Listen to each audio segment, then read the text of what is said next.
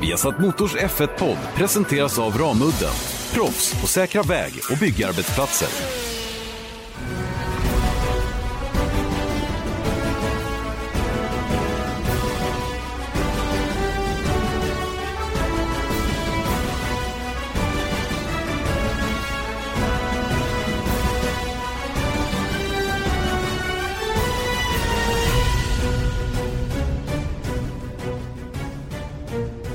Det är tisdag, eller jag säga, det är det inte. Det är måndag. Bra. Det är måndag och eh, dags att spela in en ny Formel 1-podd en dag tidigare än normalt. Och Det beror på att vi eh, delar på oss, jag och Erik, den här veckan. Erik ska inte finnas i Sverige då under tisdagen och därför så eh, måste vi då eh, spela in en dag tidigare. Ehm, vi ska i veckans Formel 1-podd med Janne Blomqvist och Erik Stenborg prata eh, det senaste stjärnskottet på racinghimlen i Sverige, Dino Beganovic som eh, blev klar nu för Ferrari Driver Academy. En verklig fjäder i hatten för Dino och för Rickard Rudell som har jobbat hårt eftersom han då är, ska vi kalla honom manager och Dino då och sett till att det här blir av på ett eller annat sätt. Eh, en ganska stor omställning för Dino Beganovic. Vi ska komma in på det lite mer om en stund. Vi eh, ska prata israeliskt i Formel 1 igen, får man väl ändå säga. Eh, israelen Roy Nissani kommer att, eh, in, han kommer att tillhöra Williams-organisationen, då, bland annat köra tre stycken fredagsträningar för Williams. Eh, lite konstigt med tanke på att de har signat upp ett par andra förare också. Eh, och Sen har vi då det faktum att eh, det ser ut att kunna bli ett saudiskt Grand Prix från och med 2023. Eh, den kommer att byggas då på ett lite speciellt område där i Saudiarabien. Och det här är ju intressant att prata om den här utvecklingen då med banor, de nya banorna och var de hamnar.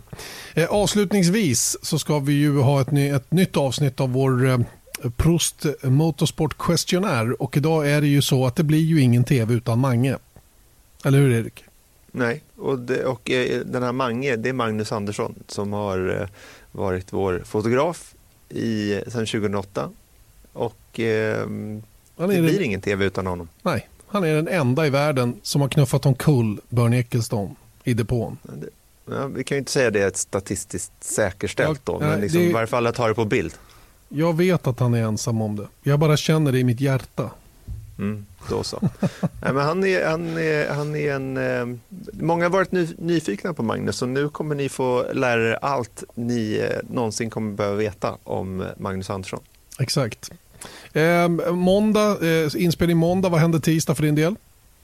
Då flyger jag 06.50 tror jag till London för den här årliga broadcaster-workshopen med Formel 1. Ehm, du orkar inte gå upp så tidigt så du stannar hemma.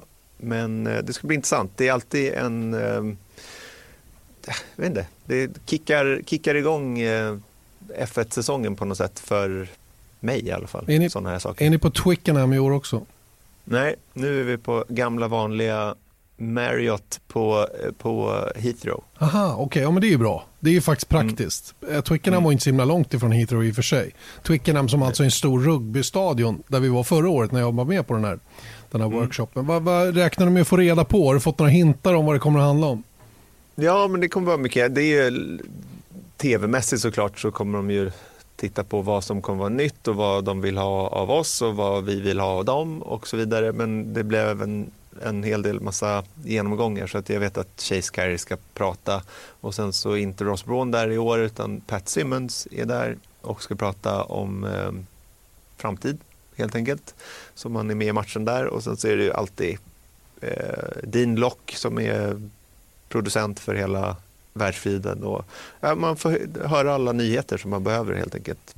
Um, ja, vi ska prata Dino Beganovic. En um, ung pojk från Linköping som nu får uh, tidernas chans. Um, och han uh, kommer nu att ansluta till Ferrari Driver Academy och eh, kliva upp från go-kart-klasserna nu upp till att köra riktig bil och eh, det kommer att bli Formel 4 för hans del. Ehm, som, som vi har nämnt så är han ju eh, supportad av, av Rickard Rudell då, som, som inte bara gör det, han jobbar ju delvis med oss också. Du tog och ringde upp Rickard lite och hörde vad, vad, vad är det som gäller egentligen? Ja exakt, för nu hörde man att han skulle dit och han är med om eh, ja, hela den här processen då att vara med i ett förarprogram vilket är vad jag vet så, jag menar Felix var ju kontrakterad av Mercedes under lång tid, Felix Rosenqvist alltså.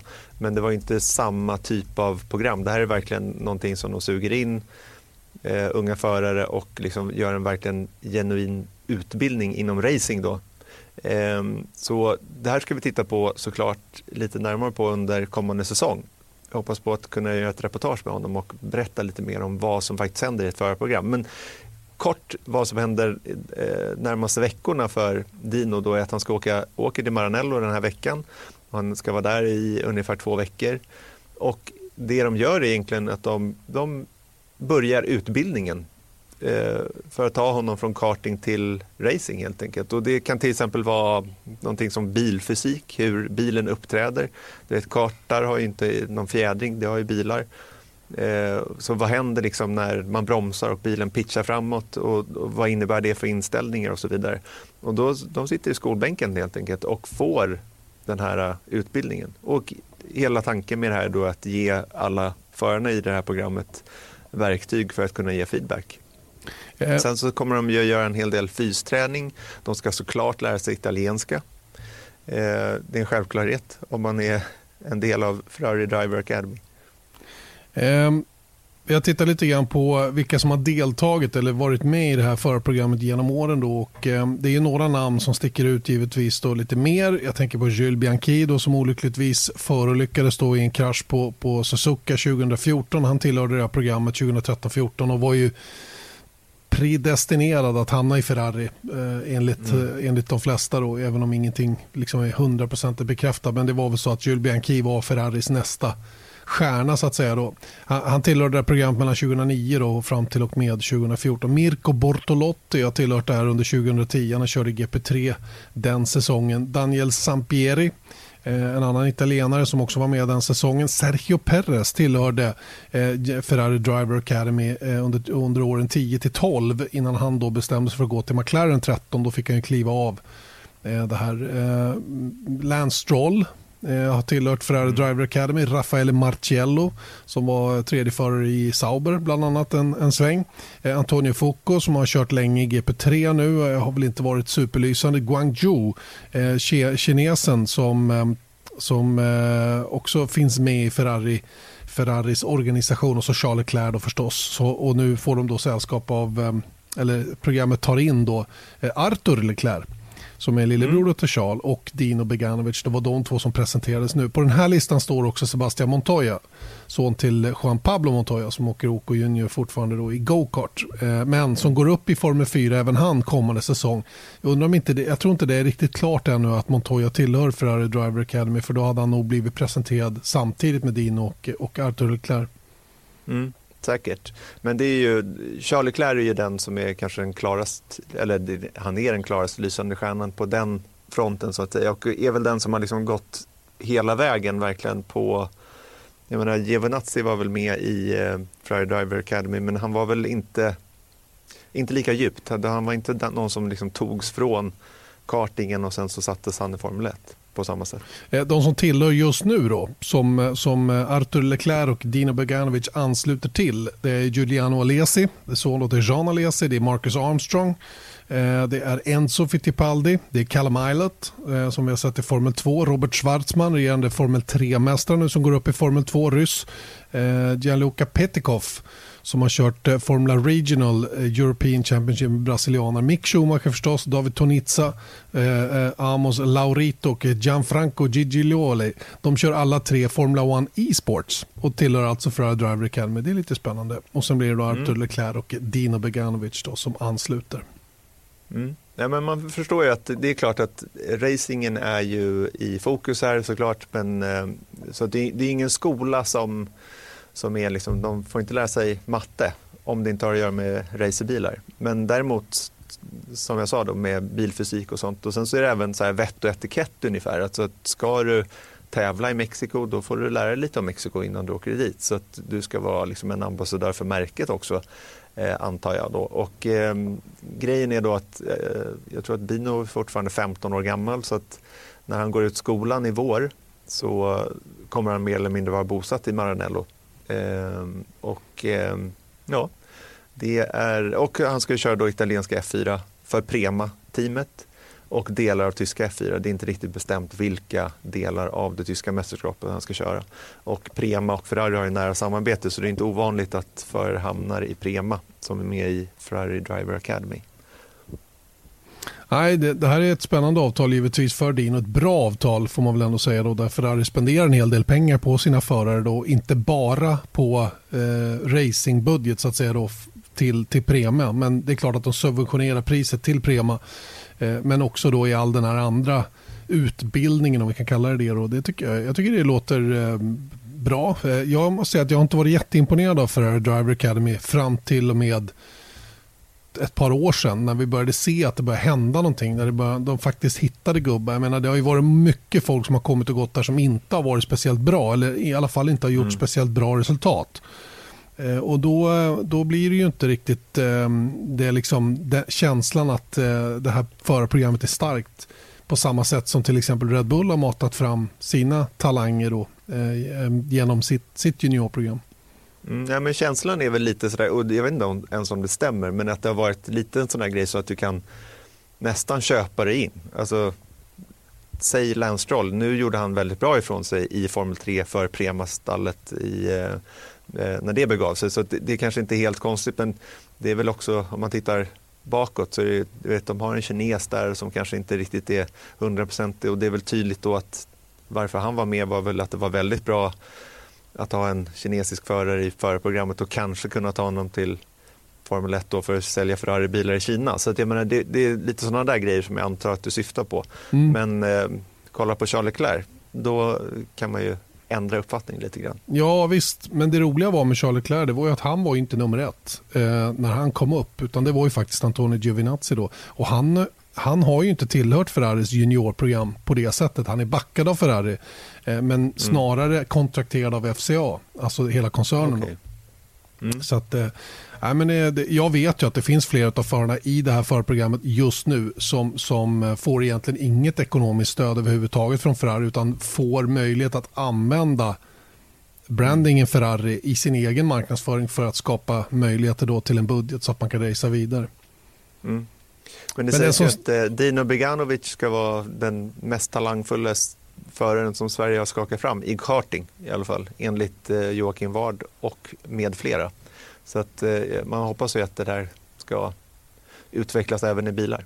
Verkligen, och, och jag menar, om Jocke Ward säger det då stämmer det förmodligen. För, för är det någon som har erfarenhet och kunskap om det här så är det ju han. Jag själv har extremt dålig koll på kartingjuniorerna och vet ju inte ens vad jag ska kolla efter om de är bra, mer än resultaten givetvis. Men Dino har ju, eh, har ju, trots att han inte riktigt har haft den där yttersta fabriksbackningen eh, som många av dem han har tävlat mot haft, ändå varit med och slagits där alla längst fram hela tiden. Och jag har ju liksom på nära håll kunnat se Rickard Rudell då när han har hållit koll på Dino så att säga. Och man har, Dino är egentligen den första som, som det har varit möjligt att följa för min del i alla fall lite mer då. Man har ju följt upp ändå mm. men Mm, det har man. Men du, eh, det är jättekul för Dino Beganovic och eh, förhoppningsvis eh, för Sverige i framtiden.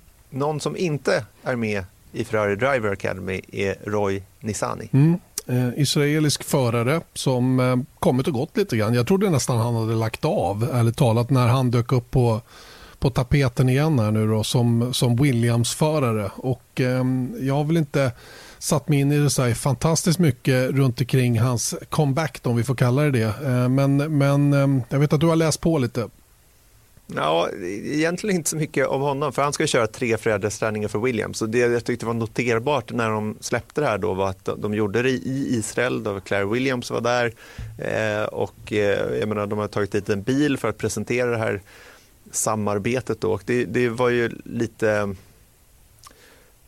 ovanligt mycket uppståndelse för en person som ska bli tredje förare och kanske är i sanningens namn fjärde förare i bästa fall då, och eh, ska köra tre tränings, eh, fredagsträningar. Och det är lite lustigt då att de har Dan Ticktum och eh, Jamie Chadwick, det var hon som vann W-series i fjol då, som utvecklingsförare redan. Och Dan Ticktum är väl ska man väl säga, har kommit lite längre än Roy Nissani eh, i eh, racingkarriären.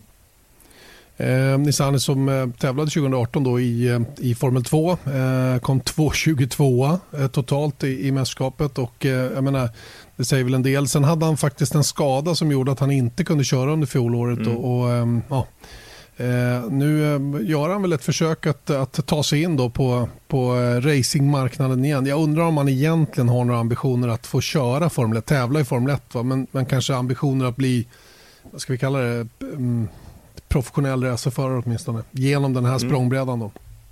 Men du, det är det här som är det viktiga. Kommer du ihåg hans far? Ja, jag gör det. Chanouk eh, Nisani som eh, körde en, en, en träning för Minardi i Ungern. Jag tror det var Jordan, men det var Minardi i, i, i Ungern 2005. Det gick väl sådär, mm. har för mig.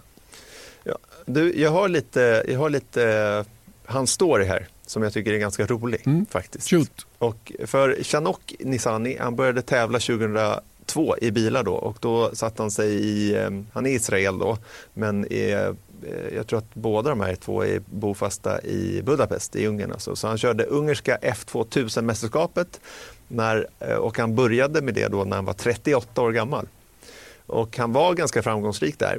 Ehm, jag tror att han vann serien andra året han körde och eh, han bestämde sig för att hans talang inte kunde stanna i Ungern utan klev upp till Formel 3000 där eh, ett antal race i alla fall, där han var flera sekunder off pace och det här var någonting som då Jordan Grand Prix fick upp ögonen för och gav honom ett test 2004 på Silverstone.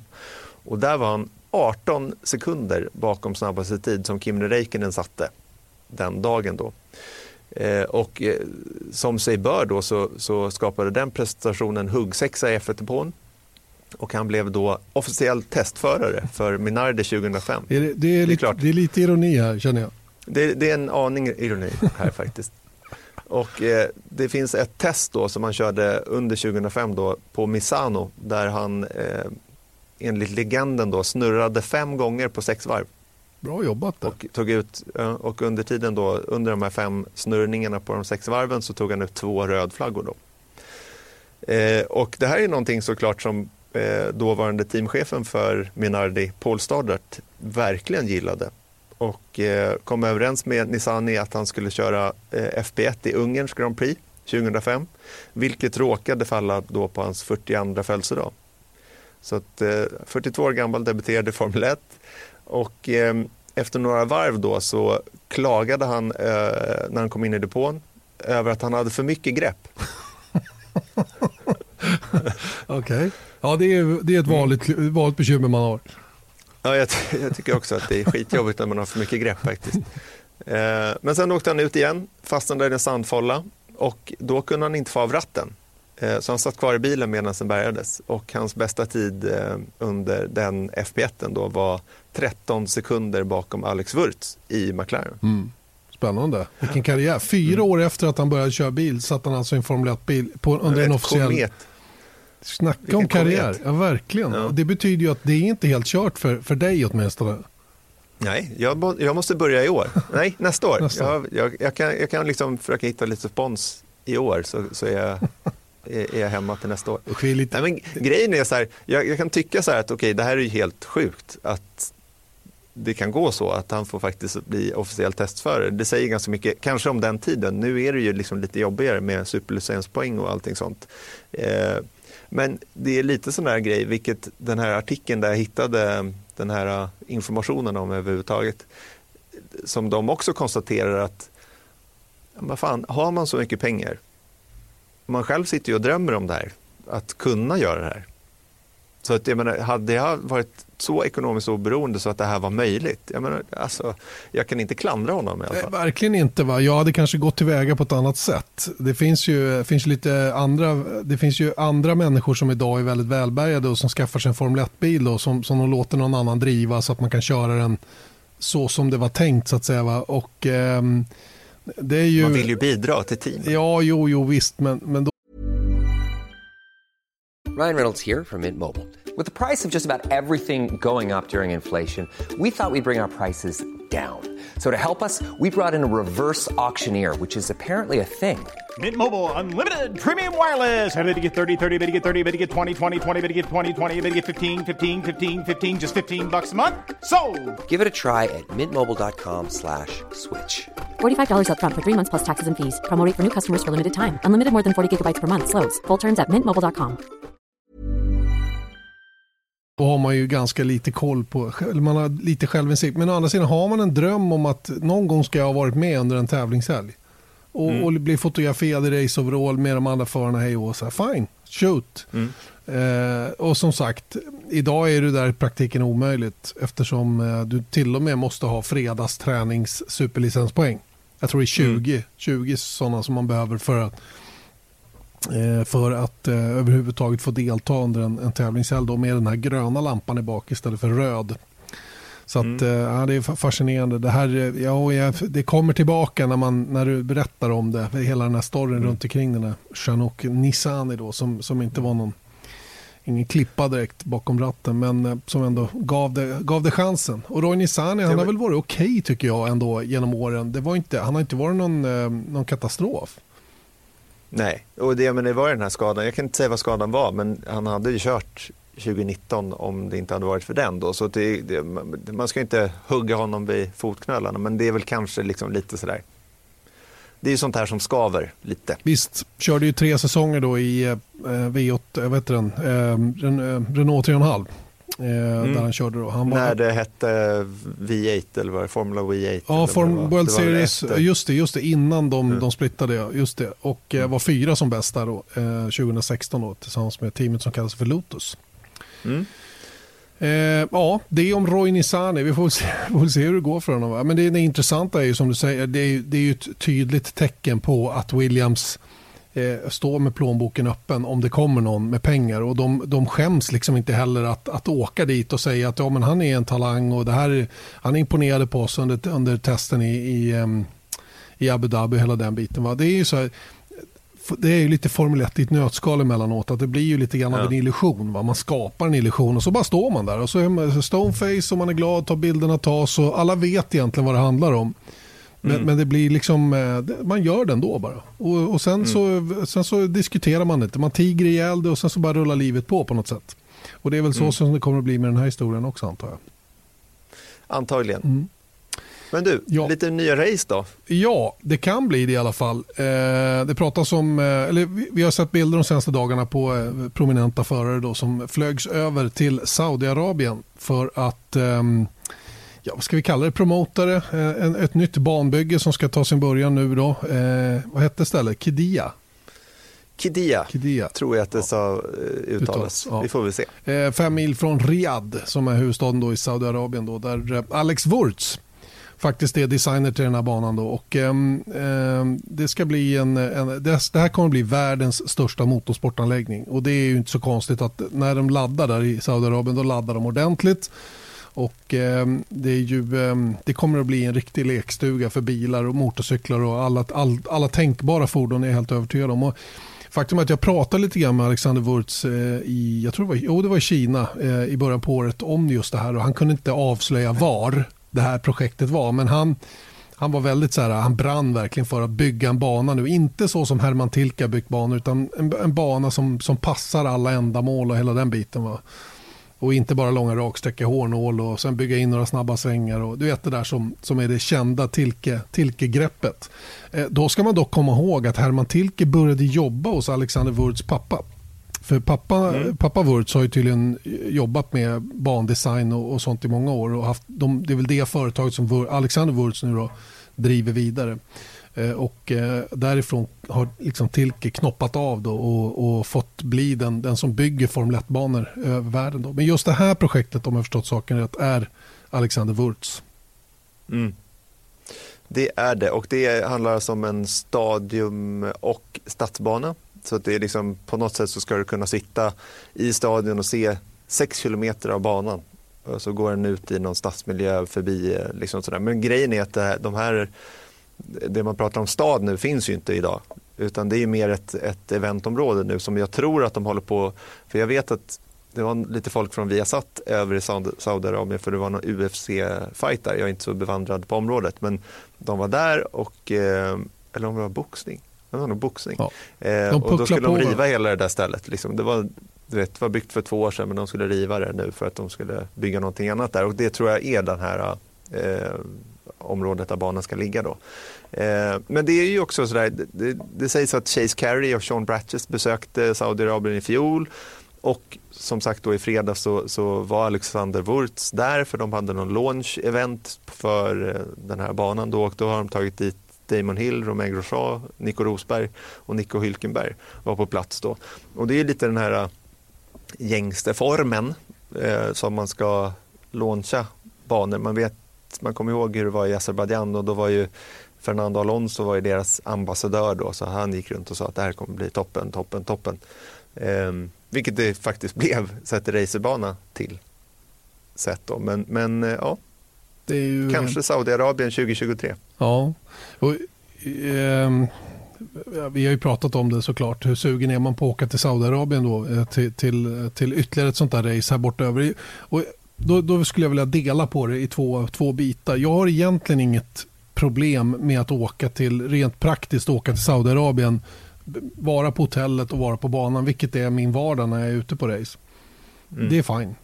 Det kommer att vara fina hotell och banan kommer att vara toppen. Det kommer att vara en superanläggning, helt övertygad. Och eh, kanske till och med tycker att det är ett av de bättre ställena att vara på men, men, men sen finns det den andra delen då att, att um, vi, vi, ser ju en tydlig trend var de här nya banorna hamnar någonstans. Och det blir ju alltid den, där diskussion, den politiska diskussionen. Så att säga. Är Saudiarabien ett land som man verkligen ska promota med, med sport av det här slaget? Va? Är Kina det? Är USA det? Är Azerbajdzjan det? Och så vidare. Det, mm. det, finns ju massor med frågetecken kring, kring eh, både det ena och det tredje. Va? Jag kan inte... Jag jag vill inte lägga mig i den, diskussion, den politiska diskussionen. Jag tror att det här kommer att bli ett, ett fantastiskt ställe att, att uh, se Formel 1 på, köra Formel 1 på, uh, själva eventet, hela den biten. Va? Det andra, det är en för stor fråga, åtminstone för lilla mig, att liksom ta in. Mm. Ja, så absolut. Så jag kan Ja, men jag vet inte riktigt. Det är lite så oförberett eh, samtalsmässigt. Men det är klart att jag menar, Saudiarabien, man vet ju en hel del vad som pågår. Och jag menar, men då är det frågan om så här, ska vi värdera det mot eh, vad Kina gör till exempel. Eller vad eh, eh, Abu Dhabi gör eller Bahrain eller vad det nu kan tänkas vara. Det är också diktaturer. Eh, I mångt och mycket i alla fall. Det heter demokrati i Kina men det är det ju inte. Liksom. Utan, så att, men det finns ju massa saker, men det som jag tycker är lite synd då om man tittar på det i ett lite större perspektiv vad F1 gör. Det är klart att när man då behöver skapa relevans någonstans för sin egen sport, jag menar, då gör man eh, saker för att det ska bli eh, klimatneutralt 2030 och massa positiva saker.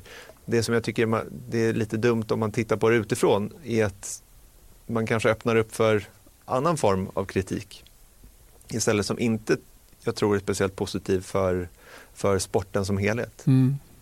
Ja, så kan det givetvis vara. Det, det, här, det här är ju väldigt det är ju tidigt skede ännu och det är ju inte vad jag förstår något kontrakt för något race påskrivet än eller?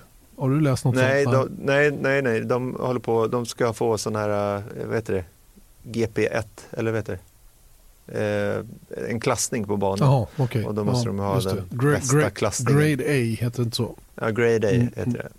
Och, eh, eller Grade 1 heter grade det faktiskt. kanske heter ja. Just det. Ja, ja, det, det lär inte vara något större problem. Och, och som sagt, känner jag, känner, om jag uppfattar Alexander Wurz rätt så är det här, det här kommer att bli state of the art. Det är något större mm. och, och vräkare än det som de kommer att bygga här i Saudiarabien. Det har vi nog aldrig sett tidigare. I banväg. Så att mm. typ eh, Jazz Marine och de här, de kommer att blekna lite grann. Mm.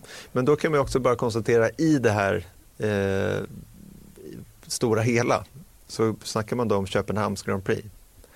Sånt här känns ju mindre och mindre troligt när, när eh, man vet hindren som ligger för ett race i Skandinavien med liksom stänga av eh, städer och eh, miljökrav och allting vad det är. Så då tror jag att det är, vi ska bara konstatera att det blir längre och längre bort att vi kommer få ett race här i Skandinavien. Mm.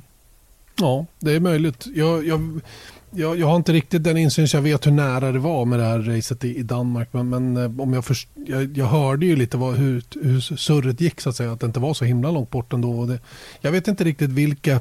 Det skulle man ju vilja ta reda på någon gång. Vad, liksom, vad är kriterierna? Finns det några grundkriterier? Några bockar? Några rutor som man måste bocka av då? På väg fram mot ett Grand Prix. Med Formel 1 till att börja med. Innan man sen kan börja med hemmaopinionen då för att skapa förutsättningar för det. Jag tror, jag tror inte att det går åt det hållet utan jag tror snarare att det är så här att du får lösa det. Eh, jag menar F1 är öppna och sen så när du har allting på bordet då ska de ha betalt för att eh, få arrangera ett Formel 1-lopp och då är det upp till dig Mm. att, eh, att lösa det praktiska och det jag tror att det är det praktiska, det är där det är problemet Eh, för ett skandinaviskt land. För att det finns ganska mycket motstånd i hemmaopinionen oftast då. För att de vill inte stänga av. Det är samma sak som det var i Miami. De vill inte stänga av den där eh, highway bla bla bla för att eh, kan, kunna anordna racet. Kolla bara liksom att om man tänker ändå USA är ju lite mer benägna tror jag att eh, anordna ett F1-race men det är ändå svårt i en stad att göra det. Så att jag menar, i don't think so. Det är det som är skillnaden mellan demokratier och diktaturer antar jag. Det är väl det och sen så dessutom då att om man ska bygga en grade one bana i Skandinavien det är enorma pengar det också. Så att, eh, och jag menar att bygga om eh, Anderstorp, ja det skulle väl gå men du skulle behöva x antal miljarder för att komma dit. Mm, så är det. Du, apropå, vad roligt att du nämner Miami. Miami. jag har hört nämligen, jag har hört, hör på det här. Djungeltrumman har trummat på att ehm, det faktiskt kommer att bekräftas ett race i Miami i slutet av februari. Oj, Att det till och med finns ett datum för när eh, ett, ett, eh, ett så kallat announcement skulle kunna komma då eh, för ett, ett race i Miami. Jag har ingen som helst aning om det här stämmer. Eh, har haft lite svårt att värdera källan men, men eh, ja, vi får se. Jag säger det nu så behöver vi inte bli förvånade. you heard it here typ Först. först. Ja, exakt Ja, så. typ. Exakt så. Ehm, just det, nu är, är det dags för någonting helt annat. Viasat Motors Formel 1-podd som eh, rullar vidare då och vi rullar vidare inte minst då med vårt Prost Motorsport Questionnaire Erik. Idag är det en spännande gäst. Ja, Magnus Andersson. Vi har presenterat honom i början av, av, eh, av eh, den här podcasten. Men eh, vad, ska- vad ska man säga om honom? Ja. Han är en eh, hallänning som började jobba för Viasat eh, och våra F1-sändningar 2008. Han berättar hur han började med det här och det är genom dig inte minst. Så mer om det lite senare. Men en gladlynt typ kan man väl kon- konstatera. Ja, faktiskt en av mina absolut bästa vänner också har blivit genom åren. Eh, hallänningen sann med modifikation. Han kommer ju från eh, Vänersborg från början. Ja. Han är västgöte. Så att, eh, och det, det, det är det som eh, går igenom lite grann i hans dialekt. För den är inte direkt, det är inte gåkbåk direkt när han pratar. Nej, så är det inte. Så att, eh, Pra- Säger man så i... i Gåka. I, Man heter gåka. Gåka. Ja, gåka. okej. Det är ju det är halländska. Jag är inte jättebra på att härma dialekter. Men jag tycker det är kul att härma dialekter. Även om jag inte gör det så bra. Eh, hur som helst, vi, vi låter det vara. De här eh, intervjuerna, då, de här Prost Motorsport Questionnaire eh, presenteras som vanligt av eh, Bertasoni. Bertasoni, det här italienska familjeföretaget som eh, gör eh, köksutrustning. Vacker sådan. De tycker om att säga att de vill hjälpa folk att laga mat på ett vackert sätt. Eh, Och grejerna är fina, väldigt, väldigt fina. Och vill du se själv hur de ser ut, gå in på bertasoni.se. Bertasoni.se är adressen för detta. Alltså nu tycker jag vi kör igång. Prost Motorsport Questionnaire, vad är det nu, del 5. Fem. Med ingen mindre än Magnus Andersson och vi konstaterar att det blir ingen tv utan Mange. Magnus Andersson, vi ska hoppa Ja. raka vägen in i det här frågeformuläret. Underbart. Är du peppad? Absolut. Men vad roligt att vara med på den. Andra gången som jag är på den. Faktiskt, och nästan den tredje. Ja. För att vi har spelat in den här intervjun tidigare faktiskt, kan vi väl erkänna. Ja, vad hände Men- där? Ja, det blev för... Eh, För du långdraget. var för långrandig. Exakt. Ja, du var för långrandig. Och du, Erik, du, du, jag tyckte det lät som att du eh, sluddrade nästan lite grann. Nej, jag var bara lite trött. Ja, exakt, Nej. exakt. Nej. Glada pågar. Storyn var att vi gjorde det här kanske vid midnatt eller någonting. Mm. Närmare midnatt. Exakt. Dag, ja, racedagen i Abu Dhabi. Ja, och då, då, det blev inte bra helt enkelt. Helt enkelt eh, kanske lägga att göra om den. Men eh, det var gött. Ja. Underbart. Vi gör det. All right, Magnus. Vilken motorsportspersonlighet, levande eller bortgången, beundrar du mest? Det finns ju... Den som har absolut betytt mest är ju Ronnie Peterson. När jag var liten och man tittade på Ronnie Peterson. Det har ju påverkat hela mitt liv egentligen. Mycket faktiskt. För att... Eh, när man... Framförallt när han gick bort då, då var jag sju år gammal. Och allting som var runt omkring, det är min största idol när man är sju år gammal, som bara försvinner. Och, och sen, när man satt och tittade på detta i direktsändning, det, det blev så otroligt starkt, allt detta. Så jag var, jag var verkligen tagen utav den eh, grejen när jag var liten. Men du såg alltså racet när det Absolut. hände? Ja, absolut. Jag, jag och morsan satt och kollade på det. Hela den, grejen och det, det, vet, det, var, det var otäckt. Jag kan fortfarande få lite kalla kårar på ryggen när jag tänker på allt det där upplevelsen. Man är sju år gammal, det, det blir så... När det blir liksom död på något sätt som man upplever första gången döden. Det var ju otroligt eh, sorgligt och hemskt faktiskt. Så det är klart att Ronnie Peterson är den som jag har beundrat mest och tycker är den coolaste racerföraren utav alla. Då. Hur var det då med tanke på det du precis sa? När du besökte Monza för första gången Mm, och du mm. känner också Nina Kennedy Mm, mm. Pettersson. Ja. Nej, men det är klart att det är, det är ju... Varje gång man kommer till Monza så är det fortfarande starkt. Man åker in i parken där under tunneln under banan. Och det, är, och det är klart, första gången man var där då började man nästan gråta. För det blir otroligt starkt till alltet. Så det är... Ja, underbart. Mm. Ja, men man har ju förstått det. Det var ju när Ronny gick bort så var det ju som att så jag har fått det återberättat för mig att det var Ja. liksom nästan så att motorsporten dog Ja, i Sverige ja, fram precis. tills Ja, just det. att STCC satte igång. Ja. Då var man ju så pass liten så man kommer inte, man kommer inte ihåg liksom någonting av racing på det viset. Men det är väl som att det är en sån person, att någon, ens hjälte liksom försvinner bara så snabbt. Så det, men det, det, det man förstått det är klart i efterhand att det, ju, det var, påverkade ju otroligt mycket liksom all racing och allting i Sverige. Liksom. Så att det är Mm. sorgligt. Ja, det blev eh, stort och mörkt på en gång. Ja, det var inte meningen. Nej, men det var inte bra. Jo, Vi det, måste men vara lite glada. det- Exakt. Men vilken levande person i alla kategorier beundrar du mest? Oh, det, det är ju så svårt att veta. Ja. Vilken person i alla kategorier som jag beundrar mest? Ja... Det måste vara min fru. Jag tror faktiskt Mm. att Jenny är den bästa personen jag vet. Mm. Jag beundrar verkligen som hon jobbar på och sliter på när jag är ute och reser och allting. Och är, hon är bra. Mm. Absolut. Hon är väldigt... Jag, jag kan... eh, Jag håller Intyga. med dig om Ja, saken. du kan intyga. Ja, jag intygar. Ja, det är gött. Ja. Underbart. Vi går vidare på lite samma tema då. Mm. Men vilket tillfälle, inte, inom, inte precis samma tema kanske, men vilket tillfälle inom motorsporten har betytt eller påverkat dig mest? Förutom Ronnie Petterssons Mm, eh, mm, mm. bortgång. Ja, just det, just det. Nej, men det är ju det som är tjusningen med motorsport, om man gillar det och Formel 1 i synnerhet, att det blir ju så mycket känslor hela tiden när när det är vinst, när någon vinner. Att de känslorna som man får uppleva, och speciellt om man är på plats och ser det med egna ögon och allting, det, det blir ju så otroligt mycket känslor. Och allt från vinster till besvikelse hos människor. De känslorna som man ser hos människor, det är ju helt otroligt. Det är svårt att ta ut någon speciell sådär... Ja, lurigt Mm. ändå. Lite lurigt ändå med. Ja, men jag förstår vad du menar, Ja. att det är liksom de gångerna man har sett, alltså kanske för att vara lite elak, Mm. de gångerna som Lewis Hamilton inte vunnit Ja, VM. ja, ja, precis. Ja, men så på senare åren så är det absolut. Men sen, sen så kan man ju, jag kan ju glädjas när man har sett vad han har presterat och, och se hans ansiktsuttryck efter målgång. Liksom det, är- man, vilken superstjärna, det, det är ju helt otroligt.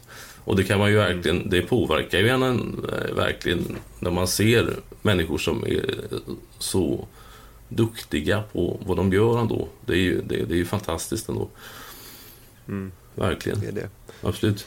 Hur, hur, hur kommer det sig att du, nu, nu när jag ställt de här frågorna Mm. till de tre, de, de eh, som varit med i den här intervjuserien tidigare, Mm. så har det varit, då har det varit enkom racerförare faktiskt. Ja, just Men, det. och du är inte det. Nej, det är lite synd. Eh. Och det, det, är, det är lite synd att jag inte är racerförare, för det hade jag gärna varit, måste jag säga. Ja, det, Ja. Det hade Ryan Reynolds here from Mint Mobile. With the price of just about everything going up during inflation, we thought we'd bring our prices down. So to help us, we brought in a reverse auctioneer, which is apparently a thing. Mint Mobile unlimited premium wireless. Ready to get 30, 30, bit to get 30, bit to get 20, 20, 20, bit to get 20, 20, bit to get 15, 15, 15, 15 just 15 bucks a month. So, Give it a try at mintmobile.com slash switch. $45 upfront for three months plus taxes and fees. Promo rate for new customers for limited time. Unlimited more than 40 gigabytes per month. Slows. Full terms at mintmobile.com. det också. Ja, nu. Det, det är, Lustigt. Ja, ja, men det är väl därför jag håller på med det här. Att jag tror i grunden, i grunden så skulle jag nog vilja vara Formel 1-förare egentligen. Men det, det blir ju inte så. Nej, det är det. det är, de som kan gör det, de som inte kan pratar om det. Ja, Det är väl ungefär ja, det vi håller vi, på vi med. försöker då drömma. Men jag ville ju verkligen, jag ville verkligen eh, börja köra gokart när jag var liten. Men min morsa, hon jobbade på akuten och hade sett lite läskiga moppolyckor och annat. Så sa nej, du får inte börja köra gokart. Och det var ju samma veva som Ronnie Peterson körde ihjäl sig, så då blev det inte... Då fick man... Det var dålig timing. Ja, eller hur? Det var dålig timing. Men nej, jag tror Men hur kommer det sig att du började fotografera, eh, hur du började filma? Ja, det var... Formel 1 då?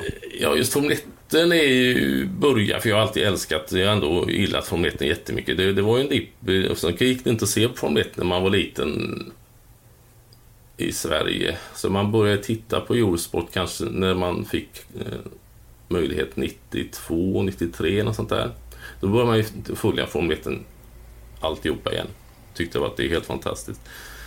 Så jag har alltid hängt med liksom och alltid älskat Formel 1 jättemycket. Men sen så... Eh, eh, sen så... Det är en tillfällighet verkligen, för jag jobbade med Janne på TV4. Så, eh, så började vi snacka mycket 1. Jag tyckte man ju lyssnat på Janne i alla år och sen så sa jag det med om det någon gång skulle behöva någon som plåtar så kan det låta att jag mer än gärna skulle hänga med. Och, det var precis i samma veva som de startade. Vi har satt motor sen då. Och då var jag ju eh, verkligen på rätt plats i, och fick jobbet där. 2008 var det första gången som jag var med på eh, 1. Vil- Vilket var ditt första race då? Mitt första riktiga race var Barcelona 20- 2008. Sen åkte vi vidare. Stort. Ja, det var, ju, det var ju helt magiskt. Absolut. Men sen så åkte vi, tror jag, på hösten åkte vi, tror jag, kanske på tre race det året. Då åkte vi till Kina och Brasilien sen på slutet. För det var precis de startade vi har satt motor på hösten där, kommer jag ihåg. Sen från 2009 så har jag åkt på alla Formel 1-race. Egentligen, så det är... ehm, Det är ju... Då blir det ju full satsning direkt sen. Från 2009 nu då. Men på- under de där 11 fulla säsongerna då, Mm. vad är det största du upplevt inom ditt jobb som fotograf för våra F1-sändningar? Ja, det finns... Det är ju de, de tillfällen när, när man är...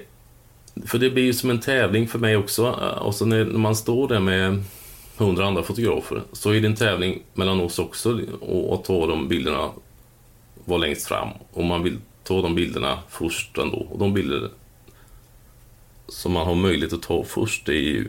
Och, det finns några sådana tillfällen som jag kommer ihåg när jag när Sebastian Vettel blev världsmästare, jag kommer inte exakt året, men när, vi var de, jag och Frida som sprang fram och fram till eh, Christian Horner precis han satt på, på eh, Just det, sin stol där. Vid, och när man, Dhabi 2010 tror jag det var. Ja, det kan stämma.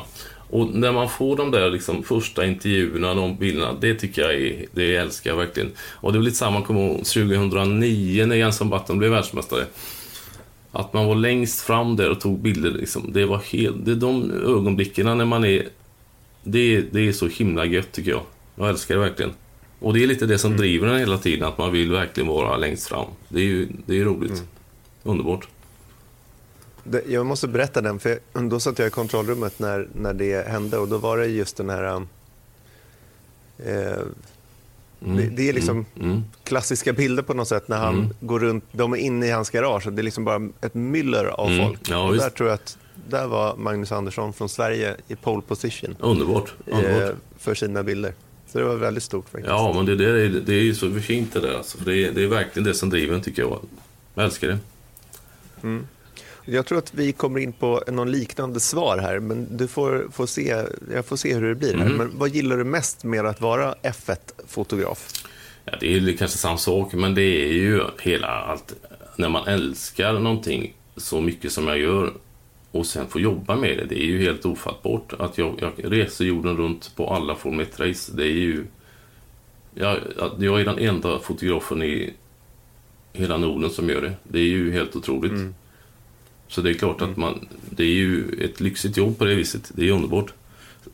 Det, är ju jättefint alltså. Jag får ju... Men vad gillar du minst med att vara, vara F1-fotograf då? Nej, det är klart att det är. Men det, vänder på det. Jo, det är klart att det är tufft man reser hela tiden. Med, man blir jetlaggad och långa flygresor. Det är ju det är inte, någon, det är inte något kul med det. Det är ju jätteslitigt och segt, ingen tvekan. Men det överväger ju ändå det. Och jag får ju verkligen, när jag kommer till en racerbana så får jag fjärilar i magen. Det är ju som att man är lite kär varje gång jag närmar mig racerbanan då. Jag, jag tycker det är så himla... Atmosfären på en racerbana är ju helt fantastiskt. Ja, man, åker, det, man kan ju åka till en racerbana i Sverige, man kan åka till Knutstorp och jag får samma känsla där. Helt magiskt. Det är underbart. Det är faktiskt, jag, jag har exakt samma känsla. Mm. Till och med om jag liksom åker... Det är nästan inte när jag är på racerbanan, men när jag, jag vet att nu är jag nära. Mm. Ja, alltså när ja, du man kör upp för, på Gelleråsen, liksom, Ja. när man åker på, längs den där vägen Ja. med fältet Ja, till vänster Exakt. och sen ska man svänga höger. Då får jag så här, Exakt ja. det är något konstigt pirr. Ja, det är bara pirra i magen och det är ju så gött vet du. Underbart. Underbart. Och det kanske pirrar något mer när man kommer till Marina Bay Street Circuit kanske. Ja fast, det, ja, fast det är lite samma grej. Det är klart att det, man kommer till Suzuka där. Det, det är klart att det pirrar till extra mycket. Det, visst, Så är det naturligtvis, men det är... Ja, i grunden samma. Underbart. Men du, vad gillar du mest med Formel 1 då? Ja... Ja, nej men det är ju ett tävlingsmoment som är magiskt. Det är det ju verkligen. Det är ju helt fantastiskt. Det, vilket, var- det var något race, jag blandar alltid ihop det, några race här som var. Vilket race kan det ha varit som var i höstas? Som var så fantastiskt gött. Brasilien var det va? Var inte det jätte, jättebra? Och Tyskland var ju... Tyskland var på hockeyn här förra året. Vilket race! Nej men det... Just det, förra året. Ja. Det var förra året. Ja, det var förra året. Jag bara, nej men det var inte förra året, Jo. det var i år. Ja. höll jag på. Nej, men det, det var ju helt magiskt. Underbart. Mm. Och det är ju... Det är svårt att sätta fingret på varför man gillar olika saker, men det är bara att... Ja. Underbart. Du gör det? Underbart. Du gillar tä- tävlingsmomentet? Ja, det är det Men som vad gillar du minst med det då? Eh, Med F1 som ja, sport? ja alltså? just det, just det. Nej, men det är klart det är roligare om det, var, om det skulle vara åtta team som var väldigt jämlika. Hade varit, då hade det varit mycket roligare, det är ingen tvekan. Men eh, det är någon slags politik så där som är säkert eh, inte helt lyckad. Men det är ju det som är svårt om det är så mycket pengar inblandad. Mm. Vinst kostar pengar. Mm. Så det är väl lite det som är tråkigt egentligen, att det inte är mer jämna racing på ett sätt. Men... Det, det, det är lustigt här, för att i samtliga intervjuer Mm. som vi har gjort med det här frågeformuläret så har det varit just den grejen att det är politiken och det är ojämnheten någonstans. Ja. Och jag, jag håller ju med om det, men bara för att man har hört svaret så pass många gånger så har jag börjat fundera lite på att och nästan komma fram till att jag vill inte att det ska vara Indycar jämt i Nej, Formel 1. nej, nej, nej, visst. Nej, men det är riktigt på ett sätt. Fast det... På något, Ja. Men jag vet inte varför. Egentligen så skulle det vara toppen. Ja. Men då tror jag att på något sätt så känner jag på mig att om det är så jämnt, Ja. då har det blivit så, Så enklare. Entypsklassigt. Ja, ja, visst. Jag, Ja. Förstår, jag förstår den så att tanken. det inte är... Visst, Ja. visst. Nej, men det är, det är, jag förstår tanken. Absolut. Men det är ju ändå roligt om man just ser det som tävlingsmoment med bilsport och racing så är det ju kul om det är mer som... Så är det ju roligt på ett sätt när det är många som är med och fightas. Men det är lite det som är så extremt med Formel 1 att det är ju som du säger ingen entypsracing och det är därför det blir så spännande också på det viset. Så. Ska vi vända, ta ett litet lappkast här och fråga vad är din idé om perfekt lycka? Perfekt lycka. Uh, ja, det är ju faktiskt att få lite perspektiv, tror jag, på saker. Och det är lite lustigt detta, för att jag, jag, jag slutade ju faktiskt med Formel 1 förra året.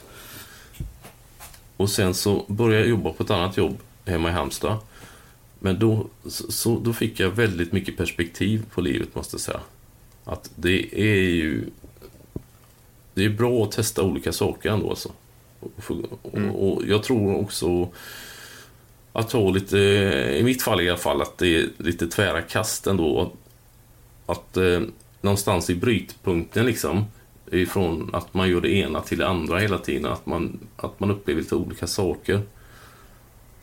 Eh, ja, flummigt svar. Men... Eh, Nej, jag tycker faktiskt inte det. Det är jättebra att just att få prova på lite annat och sen så ja. för att verkligen vara säker på... Ja, just det. Att man hittar rätt någonstans. För det är väldigt lätt att hamna i gamla hjulspår. Ja, liksom. ja precis. Så, ja, ja, visst. men då blir det ingen lycka. Men det är inte, det är inte svar på frågan vad lycka är egentligen. Nej, men det är klart att när man får vara med glada vänner och sin familj, det är ju den perfekta lyckan. Så är det ju. Mm. Mm. Vad är din största rädsla då? Min största rädsla? Då, ja, det vet jag exakt förresten. Jag tänker, det är åskan. Jag är så livrädd för åska, vet du. Jag, jag, ja, nej, men jag tycker det är skitläskigt om det är åska. Och det, det man ligger, om det är på sommaren det är kolsvart på natten så hör man att det börjar mullra någonstans bort igenom. Och så kommer det närmare och närmare. Och sen så, det, det, får jag, det tycker jag är skitläskigt. Livrädd för Oscar. Hur är det då, att stå i, i paddocken där på ja, Hockenheim? Ja, exakt. Ja, det, det är ju ingen succé. Det just det. Nej. det var väl 2017 tror jag det var. Det regnade något fruktansvärt. Och Oscar precis mm. ovanför huvudet. Och det var då... Fast det, när man jobbar så är man lite mer på ett sätt fokuserad på det. Och det värsta är liksom bara Oscar på natten, man ligger hemma. Men det är, det är klart att det är läskigt. Och det är, du vet, på spa där, man bor mitt ute i, på en laggård någonstans.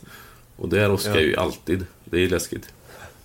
Det är därför det inte gillas spa. Mm. Nej, men, du ska, ni ska också veta det att när Magnus jobbar, då har han också...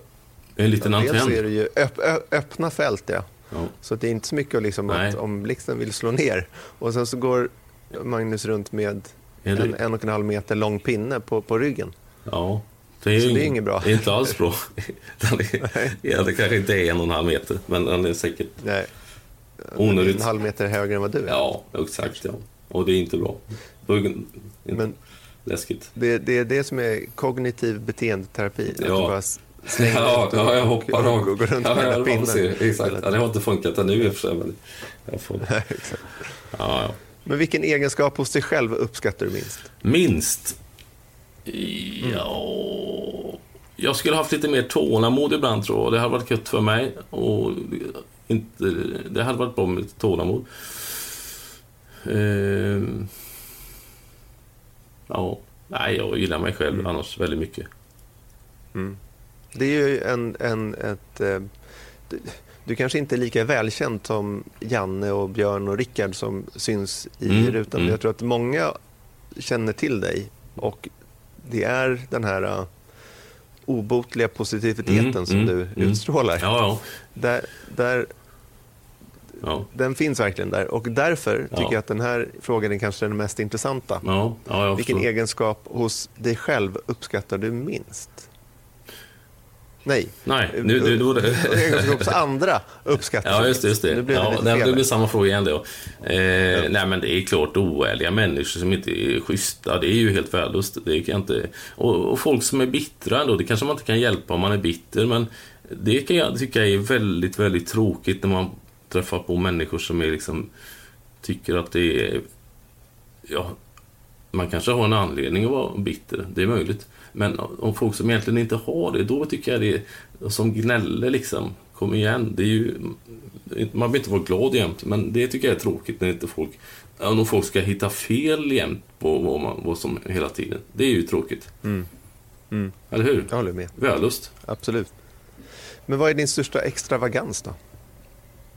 Ja, Har du lyxiga vanor? Nej, det, det ska jag inte säga. Jag är en oerhört enkel människa. Jag tycker om två saker som jag tycker om mycket. Och det är god mat. Jag tycker om att köpa rätt, någon, någon god fisk eller någon god köttbit. Underbart.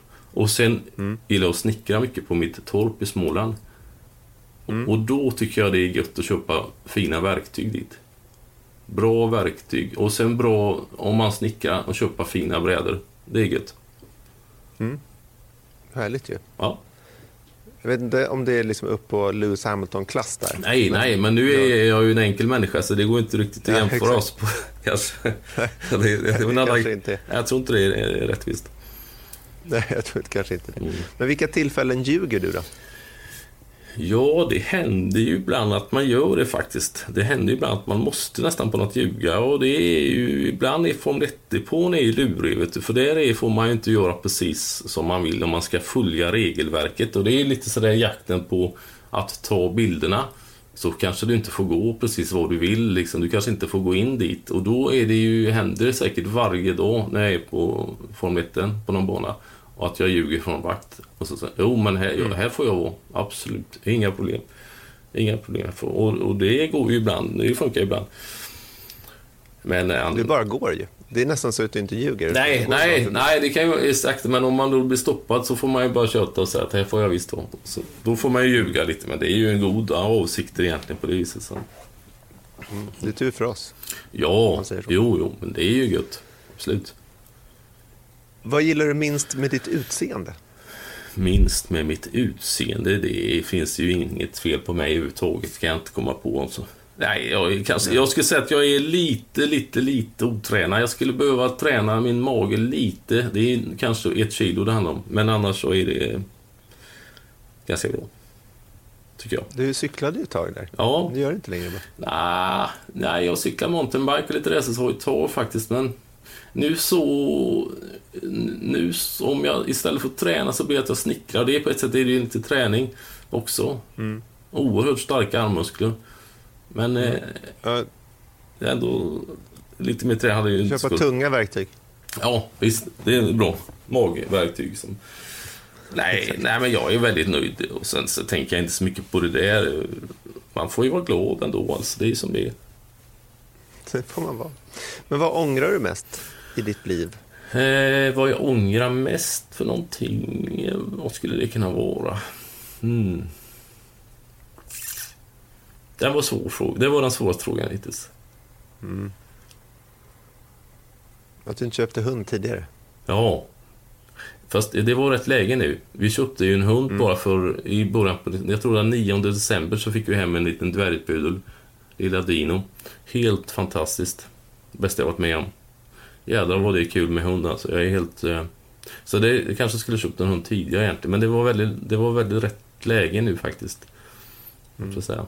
Nej, men det var lite grann, man ångrar ju inte och det är lite sådär att man att på något sätt så är det lite som att med lyckan då, om man söker lycka så får man ju gå på sina nitar ibland för att hitta någon lycka också sådär. Man kan inte komma på något som jag ångrar egentligen, det kan jag inte göra faktiskt. Ja, men det är väl jättehärligt. Ja, Ska inte gnugga på det där nej, nej, mer då? nej det är bra, bra, bra. Säger istället, var och när var du som lyckligast? Mm. Ja... Eh, det där är såklart när man får barn är ju helt otroligt. Mina pojkar Lukas och Ludde, de är superbra. Det är ju fantastiskt att få barn. Det, måste, det är ju såklart en självklar lycka. Men sen så blir det någon sån här vardagslycka när man kan bli och det blir också den där bryt, brytpunkten tycker jag är rätt så... Ja, en brytpunkten mellan hårt arbete och fest ändå. Och att blir det för mycket hårt arbete så är det då är det tungt ändå. Liksom. Och är det för mycket fest så är det inte heller då är det inte roligt. Och den där, om man någonstans, när man har jobbat hårt och träffar glada vänner liksom, och med sin familj. Det tycker jag är en fin lycka ändå. Alltså. Det tycker jag är gött. Jag hade sagt nästan antingen efter säsongsavslutningen. Då brukar jag stanna kvar i Dubai Ja, med min familj. Ja, precis ja. Eller på, på um, sommaruppehållet. Mm, Första mm, mm. semesterdagen Ja. efter, under sommaruppehållet. Ja, ja, men För det- då är ja, liksom, ja, visst. alla andra är nästan Ja. klara med sin semester och Ja. de har satt- och suktat där. Ja, nej, men jag tror, det kan jag hålla med om. Den är bra. Och det, jag, då ska jag säga faktiskt att semesteruppehållet, det är en sånt, det, är en, det där är en fin lyckostund. För då har man varit på massa race och då har man, då känner man oj, nu blir det väldigt mycket resor och Formel 1. Och sen så, så tycker man ändå att då vet man att det är ändå massa race som är på gång också. Man är ledig, men sen har man det framför sig. Därför tycker jag eh, säsongsavslutningen på Formel 1 är lite mer ångestfylld för mig faktiskt. Och tycker, det var tråkigt. Mm. Nu är det slut här. Nu kommer det ju inte, nu kommer det ju vara fyra månader, tre månader. Så det är ingen Formel 1 överhuvudtaget. Och den blir lite tråkigare åt andra hållet. Vilken talang skulle du mest vilja ha? Ja, Racerförartalangen? ja, men den har jag ju egentligen. Om jag, nej, det, jag ska bara.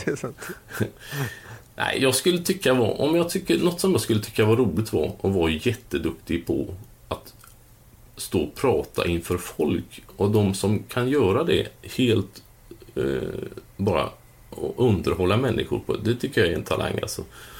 Det, det tycker jag är en, en, vilken bra talang att kunna bara stå och babbla på liksom för hundra personer, tusen personer och underhålla. Alltså, Det, Det- det tycker jag är en cool grej faktiskt. Det är jag ganska dålig på. Men det gör det nu. Om du, om du tänker dig det.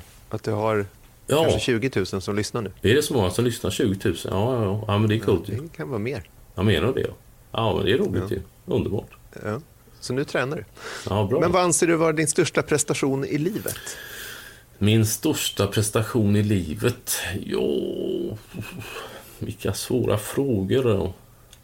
Nej, men det är ju, på något sätt så är det ju ändå vardagen att den funkar liksom. Det är en prestation, att, det, att man levererar liksom, jobbar och, med, och sen så att familjen har det bra. Det, det, tycker jag är, det, det tycker jag är en fin prestation i sig ändå. Att man, alltså, men jag har svårt att säga någon speciell prestation. Så jag har ju inte blivit världsmästare någon gång. Alltså jag har ju inte på det viset fått någon, något pris på det.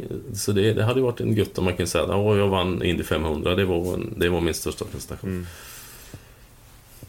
Ja. Ja. Men vad anser du vara din största prestation med motorsportsanknytning då? Förutom då att välta Börne Nicholstone i Singapore. Ja, det var en bra, det var en bra prestation. Så jag körde ju lite Formel Ford faktiskt på Knutstorp någon gång på 90-talet. Det tyckte jag var en bra, säkert snabbaste varvtiden. Hade du säkert. Men jag tänker på, du har ju ändå ett jobb inom motorsport. Mm, vad vad mm. känner du? Liksom, Ja, nej, men jag tycker faktiskt att många gånger så det som vi, de sändningarna som vi har gjort ändå för, för Sverige, liksom, tycker jag har varit jätt, många jättefina sändningar. Så att det vi med ganska små resurser om man jämför med, med stora tv-kanaler som England och Tyskland har, liksom, att vi presterar ju jätte, tycker jag, bra grejer ändå. Som, det tycker jag är fina prestationer ändå, som faktiskt vi gör. Mm. Men jag motorsportsanknytning är ja, vad skulle det kunna vara då? Ja, jag vet inte. ja, men det kan vara sändningar, för ja. det är ju motorsportanknytning. Ja, på ja, våra ja, ja, det, ja, det har jag inte tänkt på. Det har du faktiskt rätt i. ja, visst. visst. Vilka är dina favoritfilmer med motoranknytning då? Jag tyckte väl Senna-filmen är ju stark. Den, den har jag sett många, många år. Jag har säkert sett den tio gånger och jag kan eh, gråta varje gång jag ser den fortfarande. Jag tycker att den är så stark. Och det blir ju... eh, Och sen är ju eh, Ronnie Peterson-filmen, Super Swede, Super Speed, ja, bra film. Stark film. väldigt bra. Och vad finns det mer för filmer med motorsport? Ja, vet du vad? Det var en rolig film när man var liten. Flåklypa Grand Prix med, med massa tecknare, eller någon sån där eh, dockfilm eller? Ja, Flåklypa Grand Prix. Kommer du ihåg det? Reidar Fälg. Ja, just det, just det. Reidar Fälg, ja. Ja, det var Il. Tempo Gigante Ja, ja, ja. hette, hette bilen. Att du kommer ihåg Som det, ja. fick utslag på... Ja, ja, men du, den där... Jag och min pappa hade... Vi hade ibland killkvällar. Jag Ja. kanske var sex, sju. Menar du det, ja? Och då fick jag hyra, fick hyra vilken film jag ville och så åt Mm. vi blåbärsbakelser kvällen. Då, då såg man Flåklypa alltid och sen så såg man den igen morgonen efter Ja, innan man behövde lämna ja. tillbaka. Jag skulle ta och titta på den där igen faktiskt, du säger. Jag tror att alltså, Flåklypa är den största filmen som Norge någonsin producerat. Jag tror att det är deras liksom, julkalle i stort Ja, sett, men det är, det är en norsk film alltså, det visste inte jag. Ja, Nej, den är från Norge och, och den går alltså varje jul. Det är en julfilm på något sätt. Jaha, ja, de, tänk, Eller är- eller någonting sånt. De kan i Norge. Fantastiskt, Mm. vad bra. Vi får fråga vår kollega Atle Ja, Gulbrand ja, det måste vi fråga Atle sen om det. Det får vi göra. Han kanske är en röst där. Ja. Vi- Vilken är den bästa banan du har kört på? Ja, jag har kört på tre racerbanor i Sverige. Jag har nog aldrig kört utomlands. Men jag tycker faktiskt att Knutstorp gillar jag skitmycket. Jag tycker det är en riktigt, riktigt eh, charmig liten gullig bana. Underbar. Och jag blir glad faktiskt. varje- Jag var, jag var där på förra året på... Var det, ja, det var det tre, fyra gånger. För det var några Porsche-race som vi jobbade med och sände. Och sen var det någon historisk racing som var det också. Det tycker jag är kul att se. De sladdar runt med gamla Formel 3 och... Ja, det är coolt. Vilket race i F1-kalendern? Du är ju den som, alltså av alla oss som jobbar med F1-sändningen i Sverige så är du den som har rest mest. För vi har det här samarbetet med Mm, Danmark, mm. vilket gör att så här, de få tillfällena som vi inte åker så åker ofta Danmark Ja, dit istället. ja Så precis. kan det vara lite tvärtom. Men Mm. det gör ju att du är på allt. Ja, vet, ja, ja, just det. Just det. Så vilket race i F1-kalendern är det bästa att resa till? Alltså allt sammantaget. Ja, ja, du om tänker... du tänker in som en, eh, om du skulle vara en, eh, en eh, turist. Ja, okej. Om, man- om man tänker i vilken stad som man är i Barcelona och så, alltså runt omkring är det lite... Ja, precis. Ja, ja, och då, om du fick välja ett, vilket Ja, skulle okej. du åka? Ja, jag, det är svårt för jag, jag skulle nog säga... um, Det är lite beroende, för det hänger lite grann ihop med upplevelsen som är på banan om man ska väga. Men jag tycker Austin är ju... Det är en superbra och det är så himla kul att vara... Åsen som stad tycker jag är supercoolt och jag gillar det skitmycket. Men det är klart att som racerbana är inte det samma upplevelse som att komma till Suzuka till exempel. Det är ju helt... Men då i andra sidan finns det ju ingenting att göra i Suzuka. Men eh, känslan att komma till en sån racerbana som Suzuka är ju helt magiskt. Det är ju helt underbart. Vilken, Vilket ställe ändå. Men, och så Singapore är och, vilken, och det är ju kanske inte en sån racerbana som är så... Då blir det lite mindre upplevelse på racerbana men staden är ju trevlig att vara på. Men ja, jag skulle... välj en då. Jag säger, men då ändrar jag mig ändå, så säger jag Monza. För där är ju, Mm. det är tycker jag, den känslan när man kommer in i parken med alla liksom träden och löven och historien som är där. Och så Milano är ju supertrevligt, så då ska jag säga Monza då. Vilket är det sämsta? Allt sammantaget. Sämsta är ju egentligen, ja, det- det är ju lite, det är lite, det är ju spa faktiskt. Alltså det är ju en klassisk bana och det är ju coolt på ett sätt och jättefint och, och, och knalla upp för och rouge och allting. Men det är, finns, jag tycker det är lite bökigt allting runt i, och det är jättemycket köer och det tar jättelång tid att åka till banan.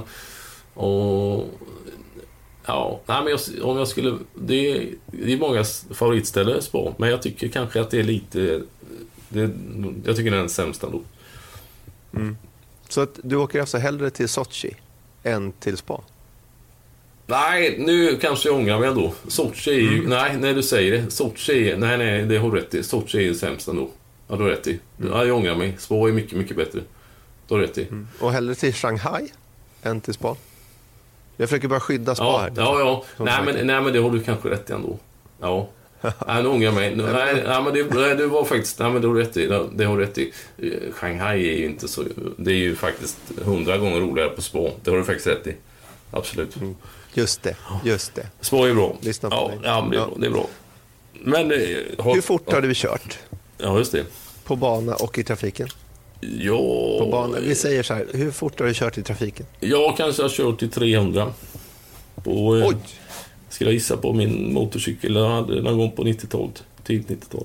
Men eh, Kört 300 på motorcykel? ja, det tror jag. Wow. Men eh, Väldigt alltså. ja, det är ju inte, det är inte bra egentligen. Det är ju helt värdelöst. Ja, nej, men alltså, jag gissar att du inte gjorde det i Varje- centrala Halmstad. Nej, jag var ute på någon liten väg någonstans. Nej, men det, det, det är inte så bra att göra det egentligen. Det är ju onödigt. Det skulle jag inte göra igen. Nej. Men du har i alla fall gjort det. Ja, visst. visst, visst. Vilken Formel 1-bil tycker du är vackrast genom historien? Den vackraste Formel 1-bilen är ju de Lotus-bilarna tycker jag. De cigarrbilarna som är vad, vad kan de vara? Ett, eh, Jim Clark körde de va? De, sen, Graham Hill. Ja, just det. Just det. Ja, precis. De är ju, de är ju supercoola. Men sen så är ju Ronnie Petersons eh, Lotus 78 där är jättefina. De är guldiga och svarta Lotusarna. Helt fantastiskt vackra tycker jag. Ska jag säga. Vilken, vilken racerbil tycker du är vackrast då?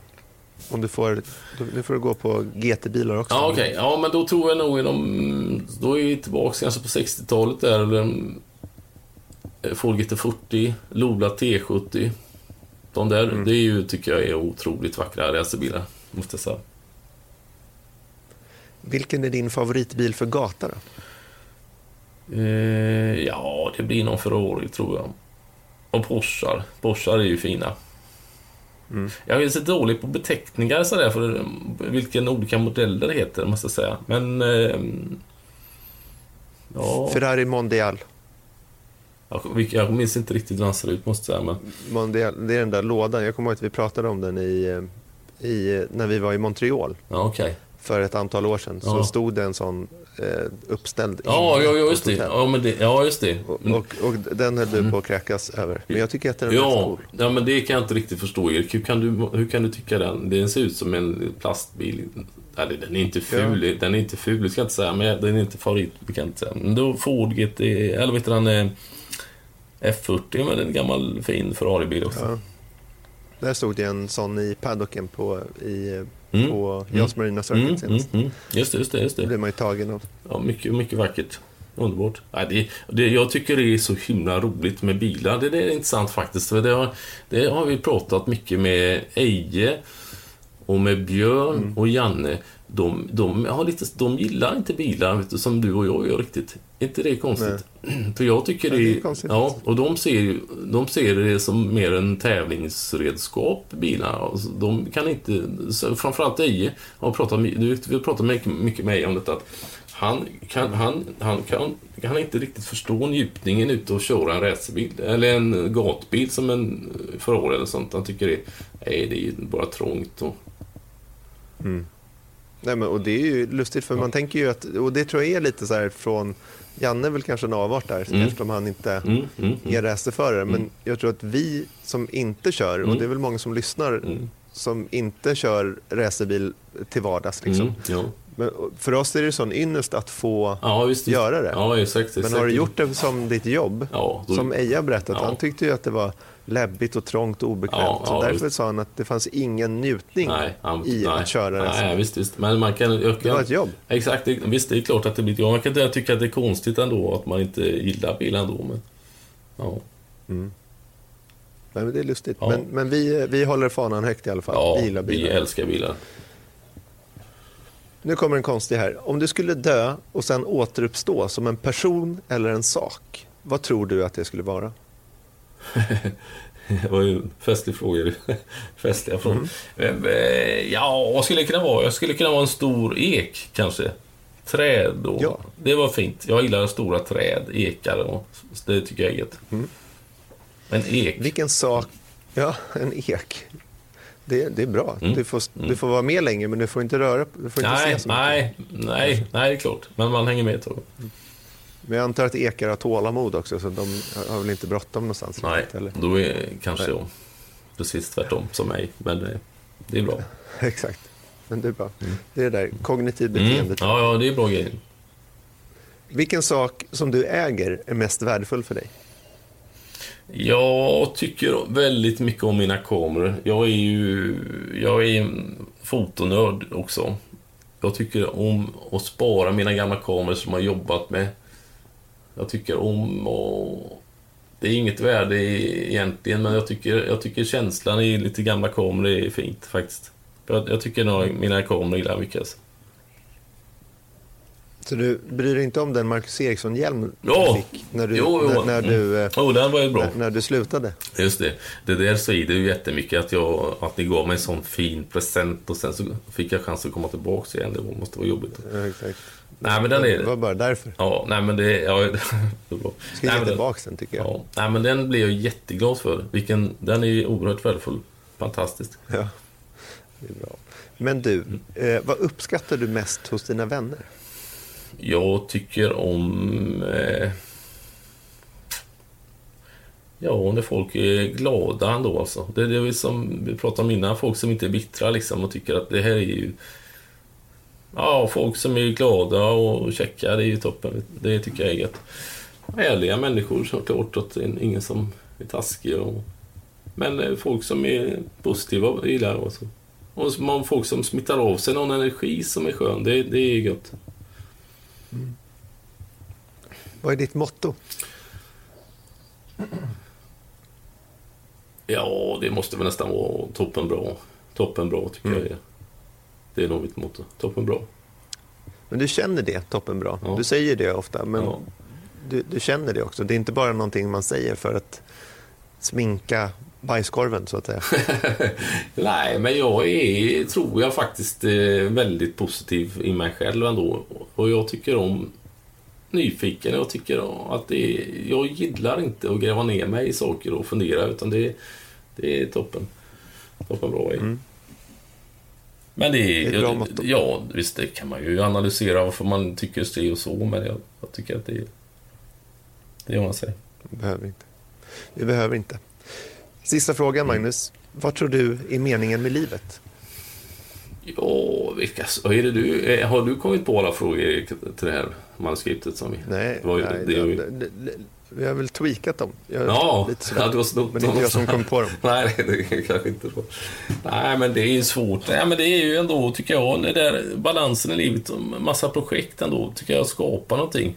Man att eh, det blir att göra lite avtryck tror jag. Det tycker jag är rätt så bra. Att man gör någon slags avtryck ändå i tillvaron. Att Ja, den där, den där brädan spickar Magnus upp eh, för hundra år sedan på. Och den där bilden. Så det tycker jag är eh, på något sätt fint i alla fall. Att man gör grejer som, som finns kvar.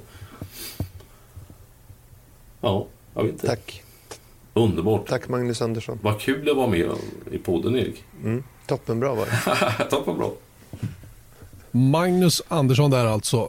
Ingen tv utan Mange som han då heter på Instagram och överallt. Eh, faktum är att vi eh, skapade det här Instagramkontot. Jag vet inte om eh, han nämner det i intervjun. Här. Jag, jag minns inte om han gjorde det. Men han, vi skapade det här, eh, det här eh, Instagramkontot på flygplatsen i Seoul Mm. För uh, måste det bli då tre år sedan när vi flög direkt från Singapore. Vi hade just haft en ledig dag i Singapore, haft världens trevligaste dag. Vi hade farit runt och sightsatt och, och ätit gott och allt vad vi hade gjort. Sen dagen efter skulle vi då flyga till, eh, till Japan, till Nagoya och när vi mellanlandade i Seoul efter sju, åtta timmar sådär, så, så klev vi av dötrötta och då fick vi för oss att då skulle vi skapa, då skulle Mange Andersson ut på Instagram och där har han blivit kvar. Han är, han är väldigt kul. Tar väldigt fina bilder på sin nyinhandlade hund bland annat. Mm. bland annat ja, ja. Bland annat. Det finns också Formel 1-grejer. Eh, typ.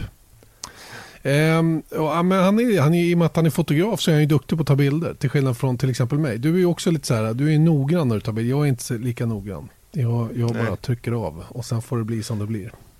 Vill man se hundar så kan man följa dig ändå. kan man göra. Menar, det är ju ändå, ja. jag har två.